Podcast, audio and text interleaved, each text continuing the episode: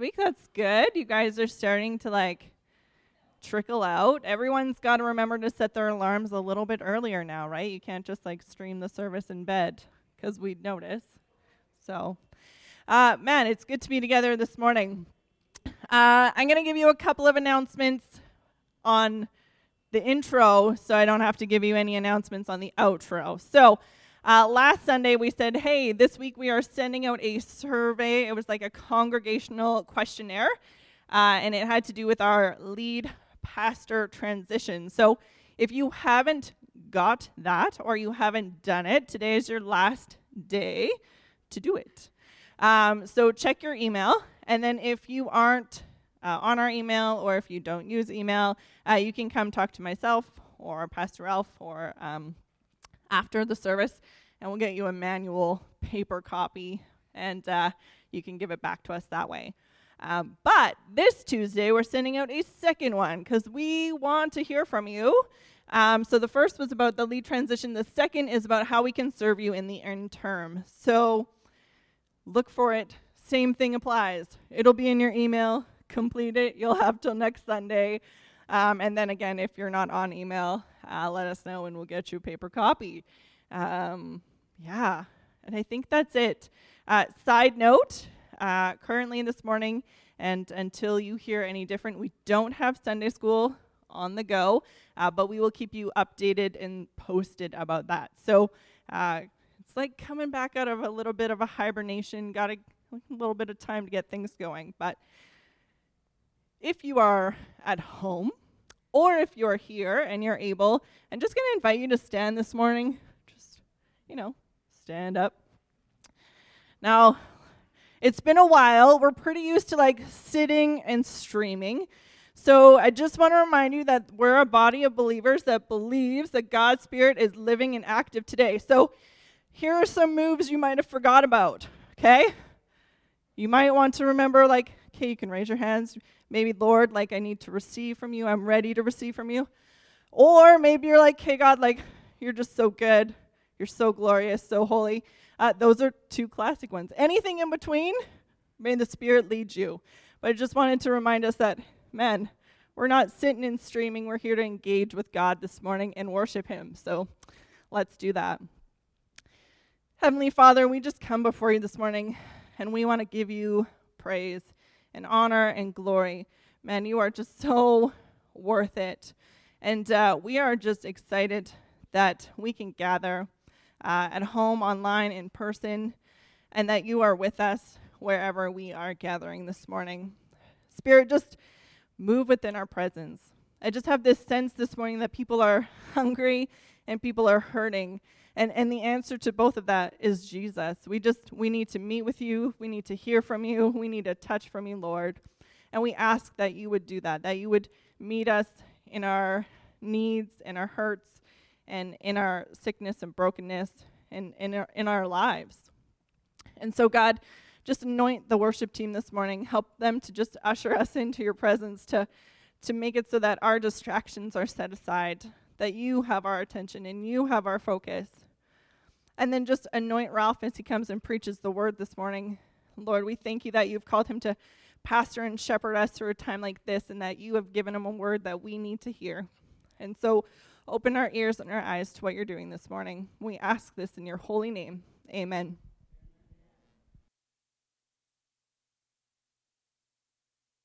I want to especially uh, thank Jason and the band for preparing our hearts today to hear the word.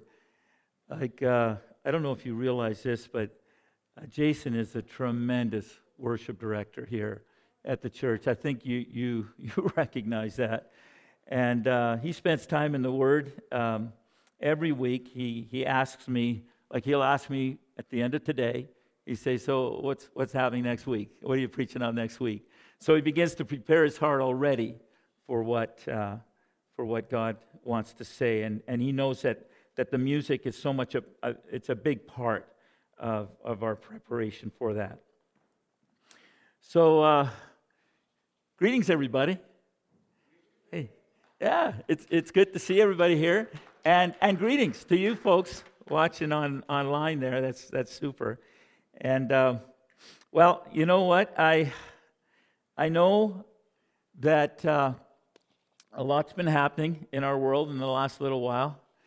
And God's word is always so appropriate. It's always just right on target, uh, I find. And, uh, you know, for everything, everything that's going on in the world, Jesus is the answer. He's the answer for the world today, and, and, and that's a, a for sure thing. And you know, we as a church, we, we need to position ourselves and, and we need to be open and willing to allow the Lord to move us and allow the Lord to, to uh, uh, arrange us, chip at us, so that we can be the people of God that He wants us to be. And that's exactly what Paul was doing. He was an instrument of God to bring that change about to the Corinthian church. And so I'm continuing, continuing on in my, in my uh, series uh, this morning in 1 Corinthians. It's the, the letter uh, that Paul wrote to the, the Corinthian church. And, and uh, we're, this is the third one in, so we're looking at verse 18 of chapter 1. Okay, chapter 1, we'll, we'll be looking at verses 18 through 31. And last week, we looked at the, uh, the cause for, well, actually, we looked at the divisions. We haven't really seen the cause yet. And we're going to get more into the cause. But we looked at the divisions in the Corinthian church. And now, uh, uh, in this passage, we're going to see the reasons. Okay, so, so Paul starts off by telling the Corinthians that they're looking for the wrong things in their leadership. And they're looking for the wrong kinds of leaders. And they were looking at themselves, they were looking at others. And then he goes on to say that you guys, you totally misunderstand the gospel message. You don't, you don't get the gospel message. And then, and then the, the, the worst part is they're boasting about the wrong people. They're boasting about themselves. They're boast, boasting about others, and they're prideful. And the worst part about it is they were giving themselves the glory for, for their changed lives, for everything that was going on in their midst. They were giving themselves the glory. They were saying, We're the reason for, for all of this. And all that, that God has done.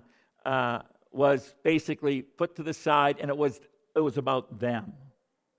So I want to dissect this whole passage with, uh, with us today. And I've titled my message, God's Wisdom, God's Glory. It's God's wisdom and it's God's glory. So I'm reading from the New Living Translation this morning, starting at verse 18. The message of the cross is foolish to those who are headed for destruction but we who are being saved know it is the very power of God. Now, notice to the ones who are headed for destruction, the message of the cross is foolishness. I like the way Eugene Peterson, in his, uh, in his message paraphrase, puts it. He says, To those hell bent on destruction, the message of the cross is foolishness. And then in verse 21, Paul elaborates, and I, would like you to jump there with me uh, to verse 21. And it should be on the screen right behind me. It is. Thank you so much, Bryce, and, and the team there. Uh, verse 21 Since God, in his wisdom, saw to it that the world would never know him through human wisdom, he has used our foolish preaching to save those who believe. Now, I want you to know this the message isn't foolish. To the world, to those listening to the message, it's foolishness. And the foolishness of preaching doesn't mean that the act of preaching is foolish, but rather the content of the message is foolish. The New International Version puts it this way through the foolishness of what was preached. Okay, so it's, it's the message that the people who are listening to, they don't get it and they think this is craziness. This is, this is foolishness. I also kind of believe that, that the message, the method of preaching, like the what I'm doing right now, like the method of preaching is also viewed as, as, as foolish for a lot of people. as well as the vehicles that God uses.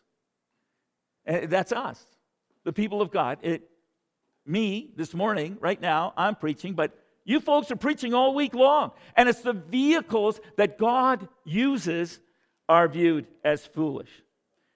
So it says he uses our foolish preaching. It doesn't mean ridiculous preaching. He, he's not talking about crazy preaching, not at all. He's talking about what the world wise people think, like the people of the world, how the people of the world view preaching. The, the gospel has always been, and, and it ever will be, foolishness to all of those who are headed for destruction. Now, now listen to verse 22. It is foolish to the Jews who ask for signs from heaven, and it is foolish for the Greeks who seek human wisdom. So when we preach that Christ was crucified, catch that, the Jews are offended, and the Gentiles say it's all nonsense. In verse 23, Paul said, When we preach.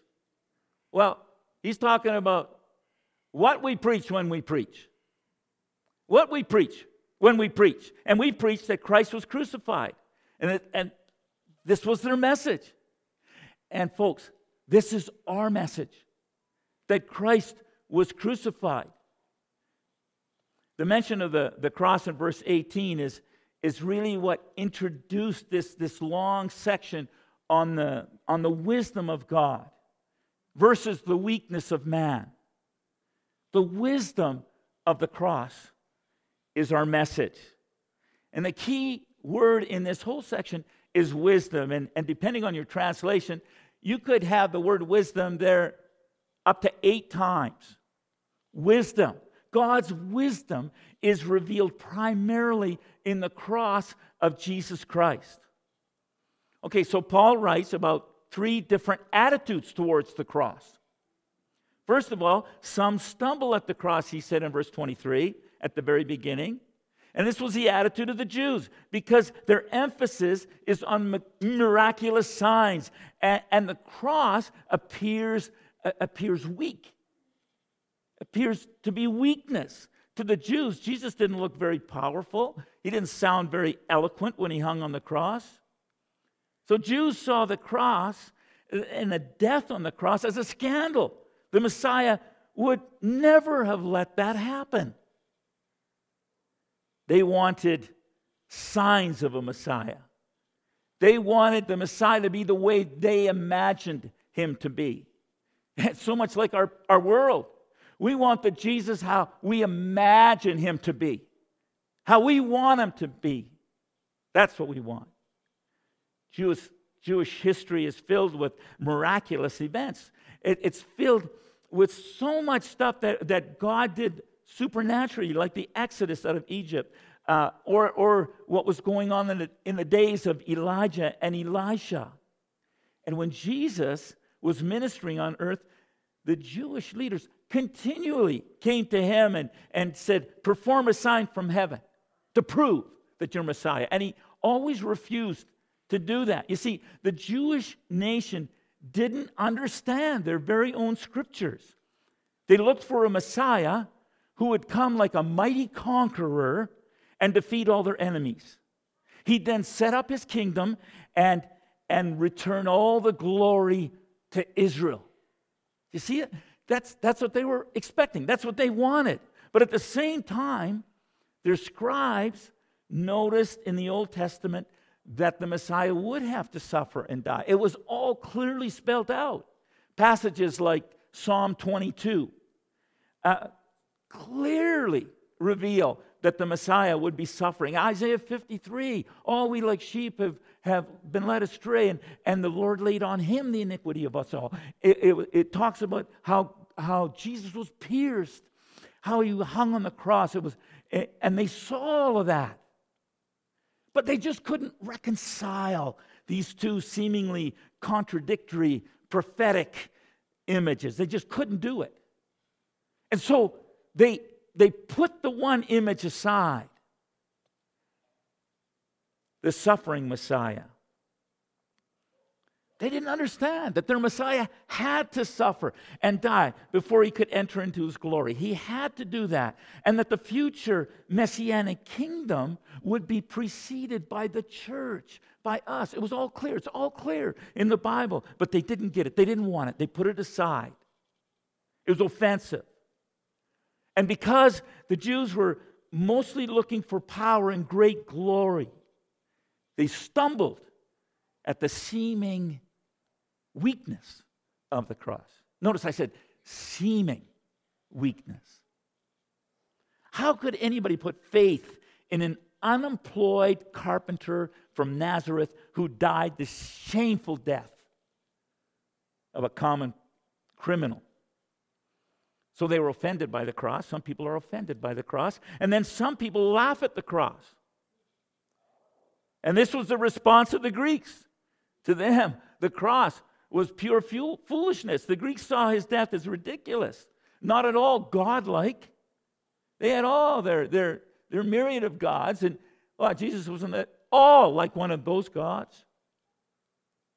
The Greeks emphasized wisdom. And you know, we still study the amazing writings of the Greek philosophers. But they saw no wisdom in the cross. They didn't see the wisdom in the cross. For they looked at the cross from a, a from a human point of view. And their human wisdom couldn't help them find God.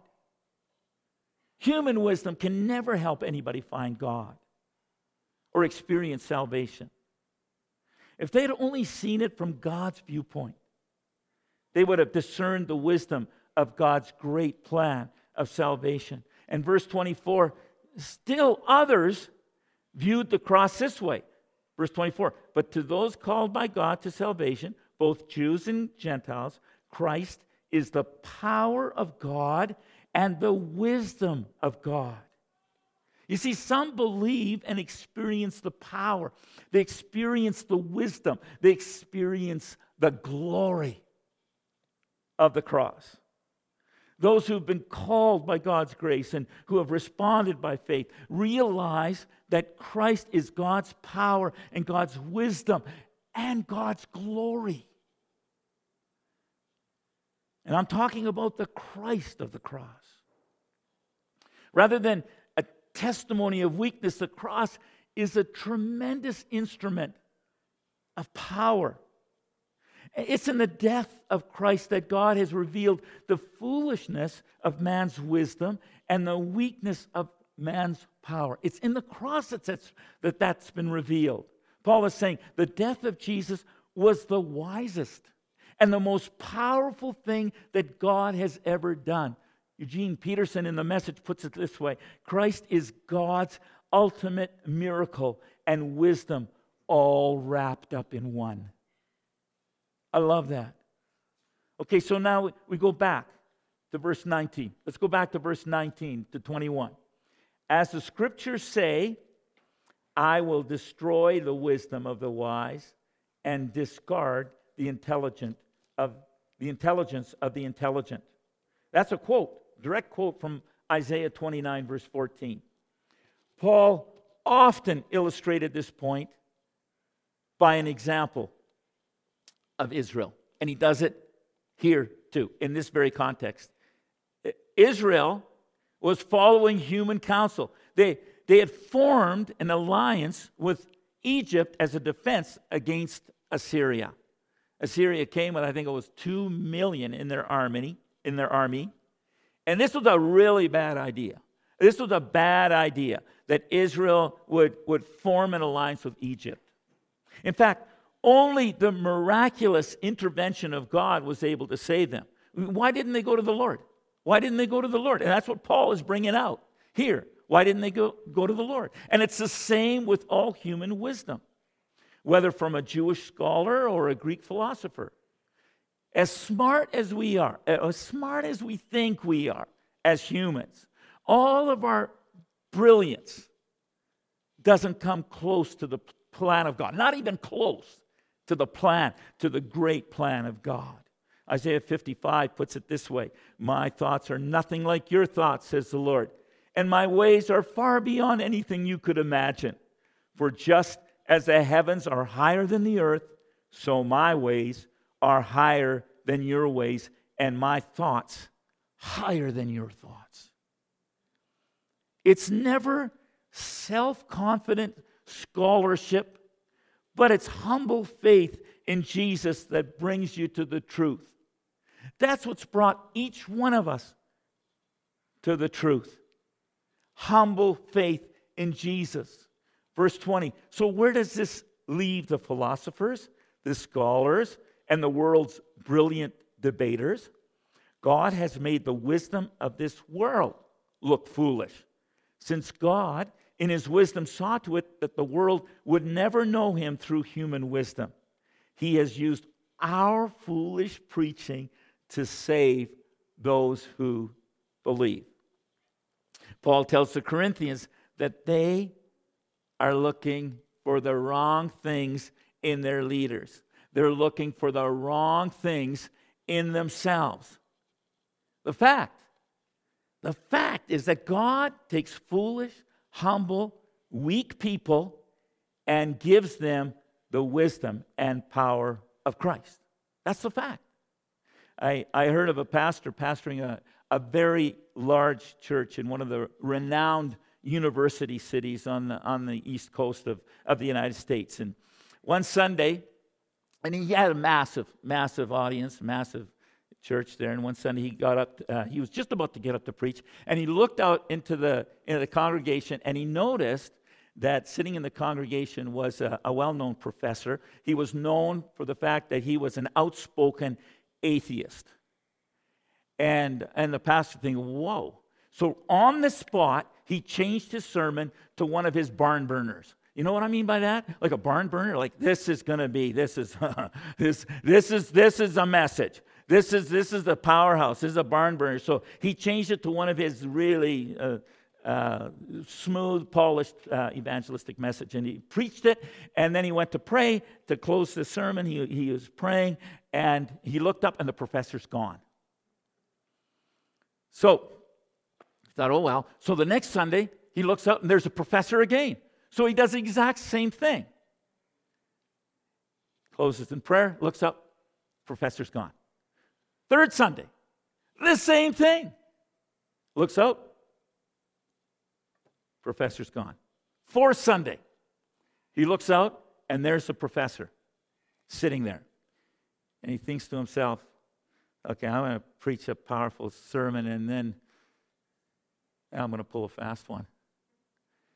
I'm going to get my assistant to close, he's thinking. So, so uh, he comes to the end of his message, and he, and he brings his assistant up to close the, the service, and he runs down to the exit and he gets down to the entrance of the church just, just as the professor's leaving.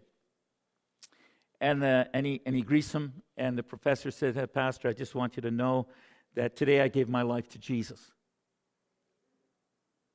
And uh, the pastor asked, Wow, which one of my sermons was it that convinced you? And uh, the, the professor said, Actually, none of them. In fact, I, I told God today when I came to church that if He didn't show Himself as truth this morning, I was going to leave the church and never search Him out again. Never. And then, as I was walking up the, the flight of stairs to the church, there was a little lady that was ahead of me. And suddenly she lost her footing and she began to fall. And I reached out and I grabbed her and I helped her from falling.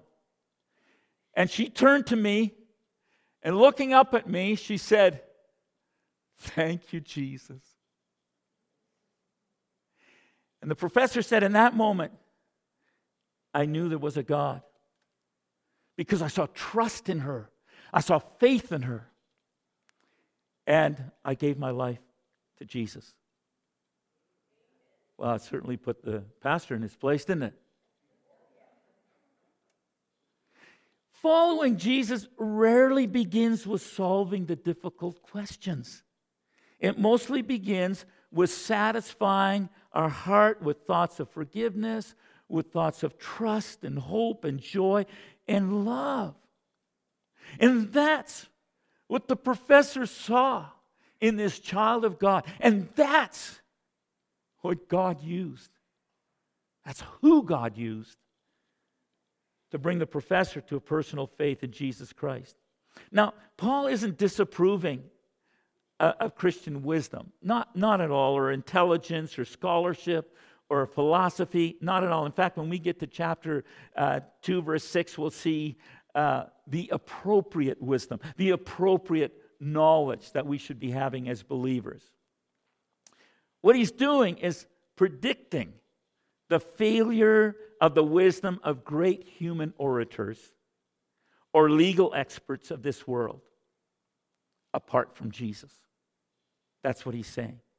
And then in verse 24, he says, But to those called by God to salvation, both Jews and Gentiles, Christ is the power of God and the wisdom of God.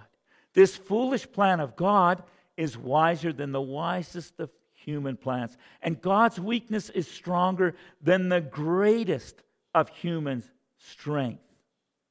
He is saying those who the Spirit of God touches and convicts, no matter what their background, no matter what their background, they'll discover the power of the cross to transform their lives. And this is where Paul picks up the, the whole humility theme and, and, he, and, he, and he touches on, on it further in verse 26. Read along with me. Remember, dear brothers and sisters, that few of you were wise in the world's eyes, or powerful, or wealthy when God called you. Instead, God chose the things the world considers foolish in order to shame those who think they are wise and he chose things that are powerless to shame those who are powerful. God chose things despised by the world, things counted as nothing at all, and used them to bring to nothing what the world considers important. As a result, no one can boast in the presence of God. Paul is reminding them, he says, Hey, remember what you were like when you received Jesus? Remember? Like I said in my intro just uh, a couple weeks ago, two thirds of the people in Corinth were slaves or were freedmen or were freed slaves. Most of the church, Corinth, were probably not from the lowest of lows, but a lot of them would have been on the low social scale. Uh, and I'm sure it's never brought out. I'm sure not many were powerful in the government or the military or born into wealthy families. And for sure, they would have been outside of the circle of the strong and, and the mighty, those who viewed themselves and those who were being viewed in that culture as strong and mighty. And this is why Paul could say, Few of you were wise in the world's eyes, or powerful, or wealthy. But these, these are the ones God chose to be saved. He chose these to shame the wise. In short, Paul removes grounds for anyone being able to boast in their own self sufficiency in verse 29. And then finally, Paul reminded the Corinthians of all that they had in Jesus. Verse 31, verse 30 and 31. Let me read it. God has united you with Christ Jesus. For our benefit, God made him to be wisdom itself. Christ made us right with God. He made us pure and holy, and he freed us from sin. Therefore, as the scriptures say, if you want to boast, boast only in the Lord. The New King James Version puts it this way He who glories, let him glory in the Lord.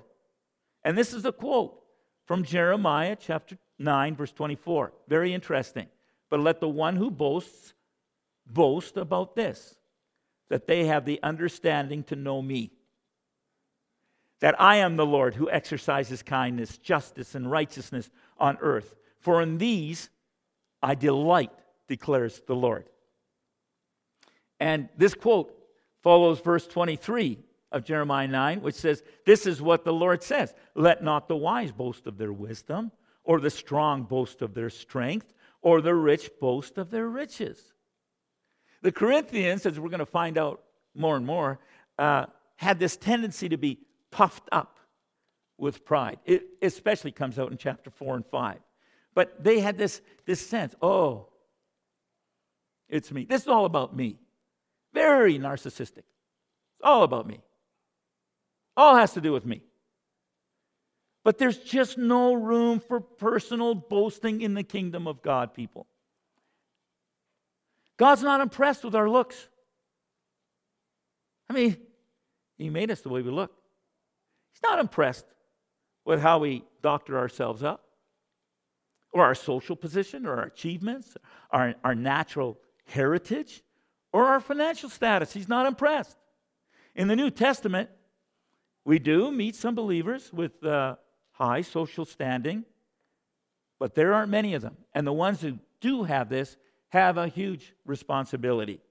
Huge responsibility. So Paul reminds them of what they were in verse 26.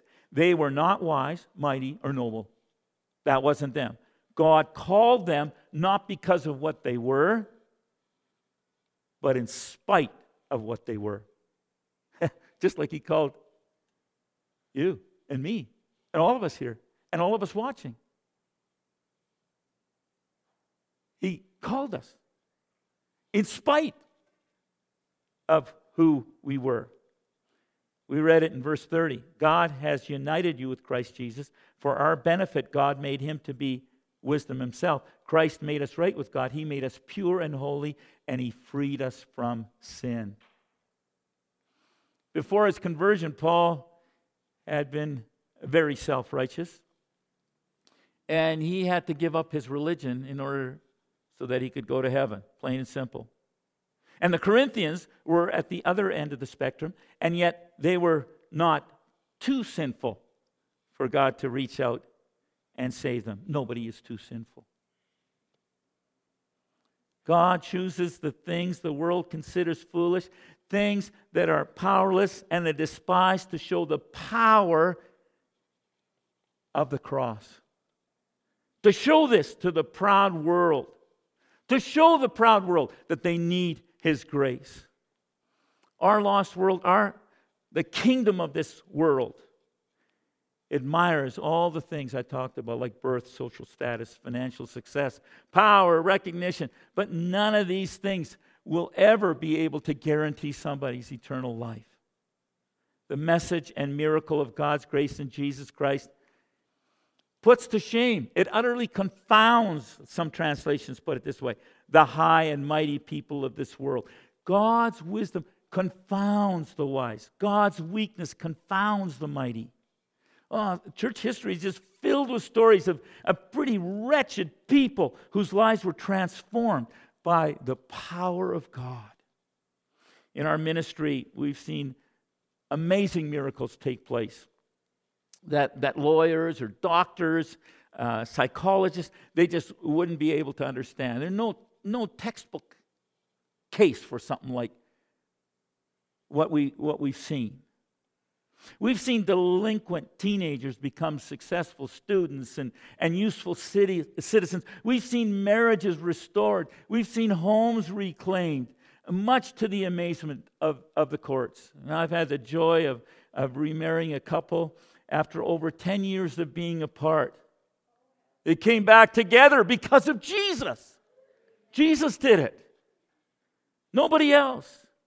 We've seen amazing heart changes in people by the power of God, and many of you have as well. And probably some of you are those cases. The Lord does this, so only He can get the glory for it. It's this truth that Paul wanted to get across to the Corinthians because they were guilty in glorifying men. And if we glorify men and women, even godly ones like Peter and Paul and Apollos, like what they were doing, we're robbing God of the glory that He alone deserves. He deserves the glory. He's our focus, people. He's our focus. You know, Alpha, you've all heard of Alpha. It's a great course that God has used mightily to bring people to Himself. But the course doesn't change lives. Nicky Gumbel, the creator, the, the developer of the Alpha course, doesn't change lives. Jesus changes the lives. He uses these as vehicles, as vessels, like He uses each one of us. But He's the one who changes the life.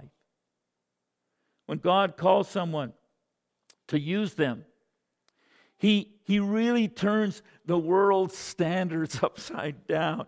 He, and He uses, usually just chooses ordinary people rather than, than the outstanding. And He does this, I think, on purpose so that nobody gets the glory but, but Him. I read a book a, uh, a few years ago about an evangelist uh, by the name of Yakov Yankovic. And it was in the days of, of Yugoslavia under Tito. Uh, all the people groups were together, like all the Croats, the Serbians, the uh, uh, Slovenians, the ones from Montenegro, Kosovo, you know, the whole region. Uh, Macedonia, the country, not the, not the province in Greece. But they were all together under communism. Tito held them together, but it was, it was a volatile time.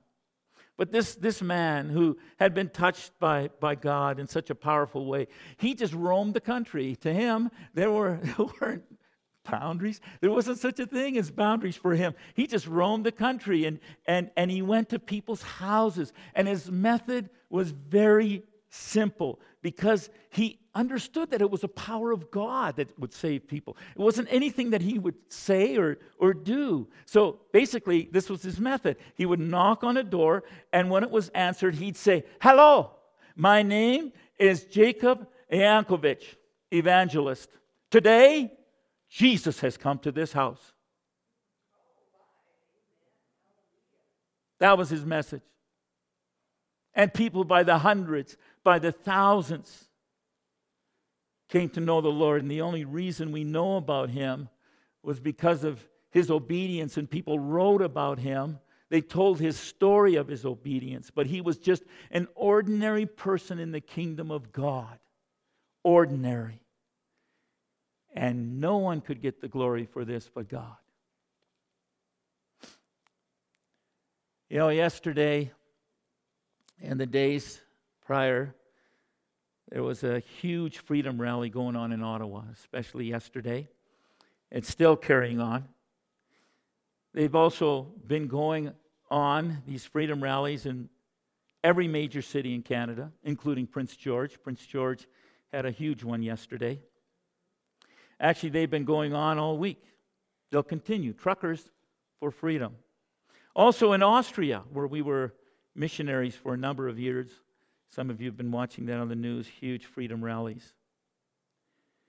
Now, there are truly spirit filled followers of Jesus with strong convictions on both sides of the argument.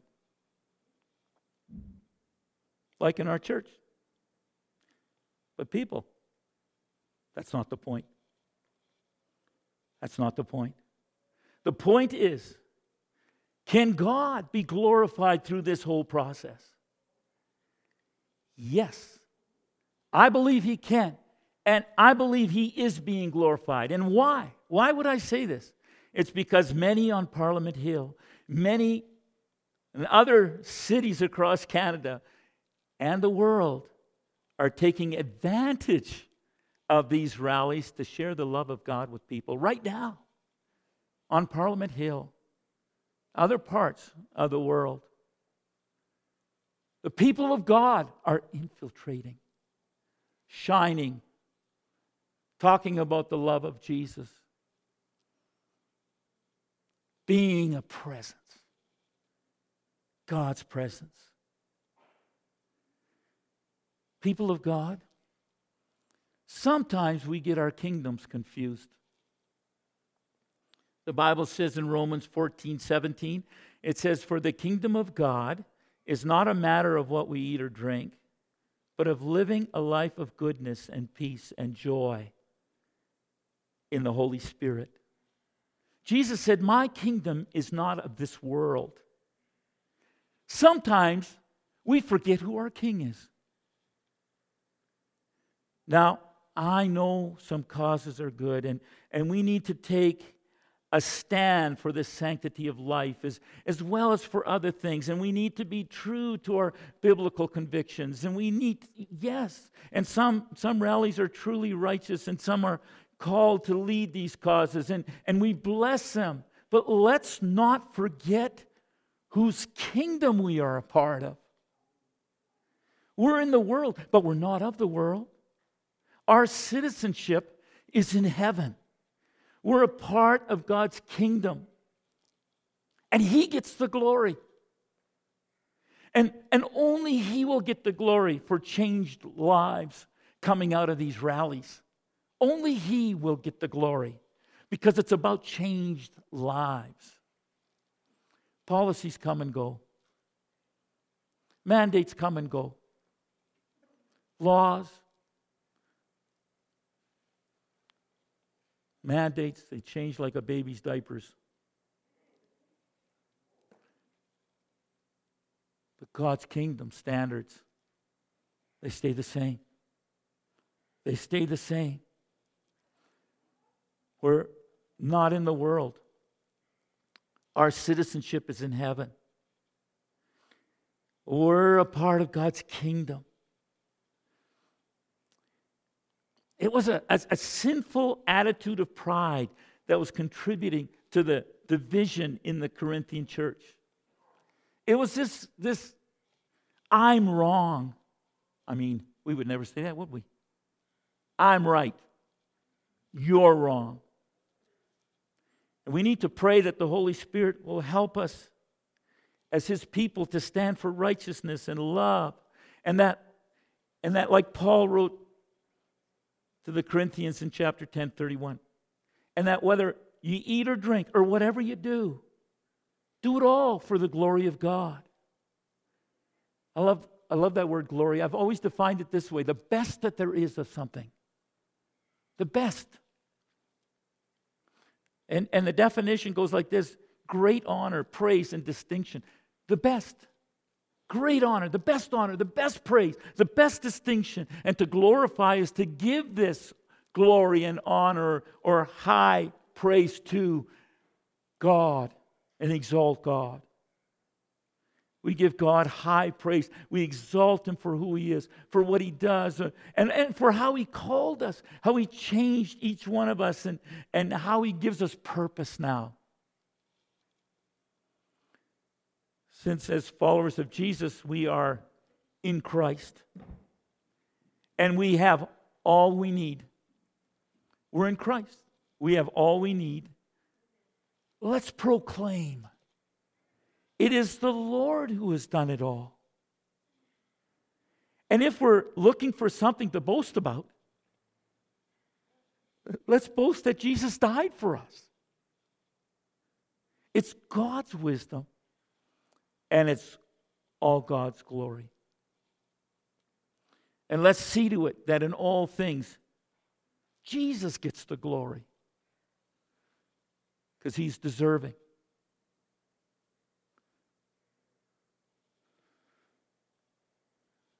Let's pray. Lord, Lord Jesus, King Jesus, we glorify you today. Lord Jesus, thank you for your supernatural wisdom. Thank you, Lord. You deserve the glory. You deserve it all. Be glorified amongst your people here in Canada, Lord, and in the world. Lord Jesus, help us as the people of God to get it, to really get it. Help us, Lord, to not be divisive. Help us, Lord, to seek ways in which we can build bridges to people, form relationships, reform relationships Help us, O oh God, to be your people, to be your kingdom people. Help us not to confuse the kingdoms, Lord. Help us not. And Lord, we pray for our, our country this, this week. Lord, we just pray that you would reign and rule. Your kingdom come to our Canada. Rule in our Canada with righteous peace and joy in the Holy Spirit. Oh Lord, just pray that you would protect your people wherever they might be. We pray for, for those you've called to be politicians. Bless them today, Lord, and use them. Help them to speak wisdom, your wisdom, Lord. We pray for the people of God across this great nation. You would temper us, Lord. You would temper us. Lord Jesus, that you would, we would, we would be a sweetness to people wherever we go. That our words would bring healing. Oh God, we pray. Jesus, I thank you for your presence here today. I know, Lord, that you inhabit the praises of your people. And as we were lifting your name and glorifying you, you inhabited these praises, Lord. You inhabited the praises of your people. And I know, Lord, that you've also you're also bringing fruit from your word. You're changing lives. I thank you for that. I thank you for that, Lord. Just like to ask if there's anybody who would like to give their life to Jesus. They like to see Jesus change them. Whether you're watching online or whether you're present here today, if you need Jesus, the King of Kings, the Lord of Lords, if you need Jesus, ask Him to come into your life right this moment. Ask Him. He's wanting to find you. He's wanting to find you. Ask Him to come into your life. It's all you need to do. Just say, Come into my life, Jesus. Fix my life. I surrender it to you. I surrender my life to you. Just do it.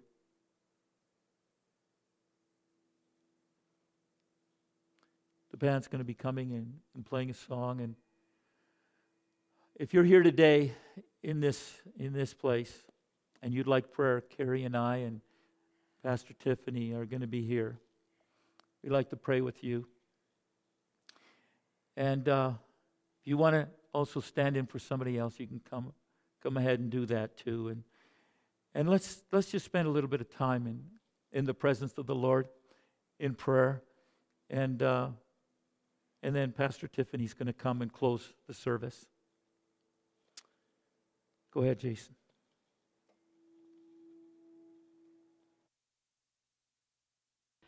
God, we thank you that you hear our prayers.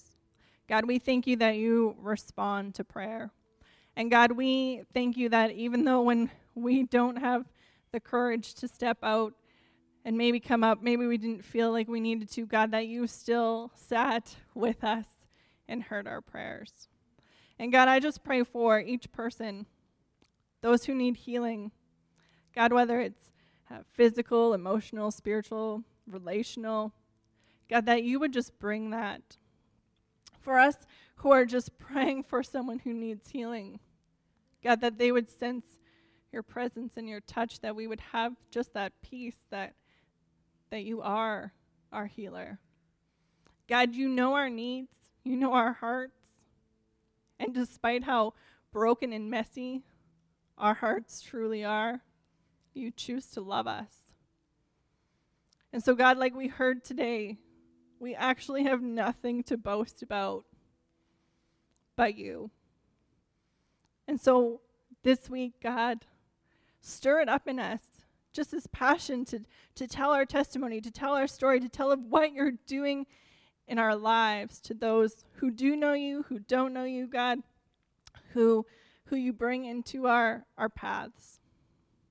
Help us to lean in and be the body to one another in our community, God. Thank you for the work you're doing. Thank you for the work you're going to do. And God, just bless each one until we meet again. And we ask this in your name. Amen.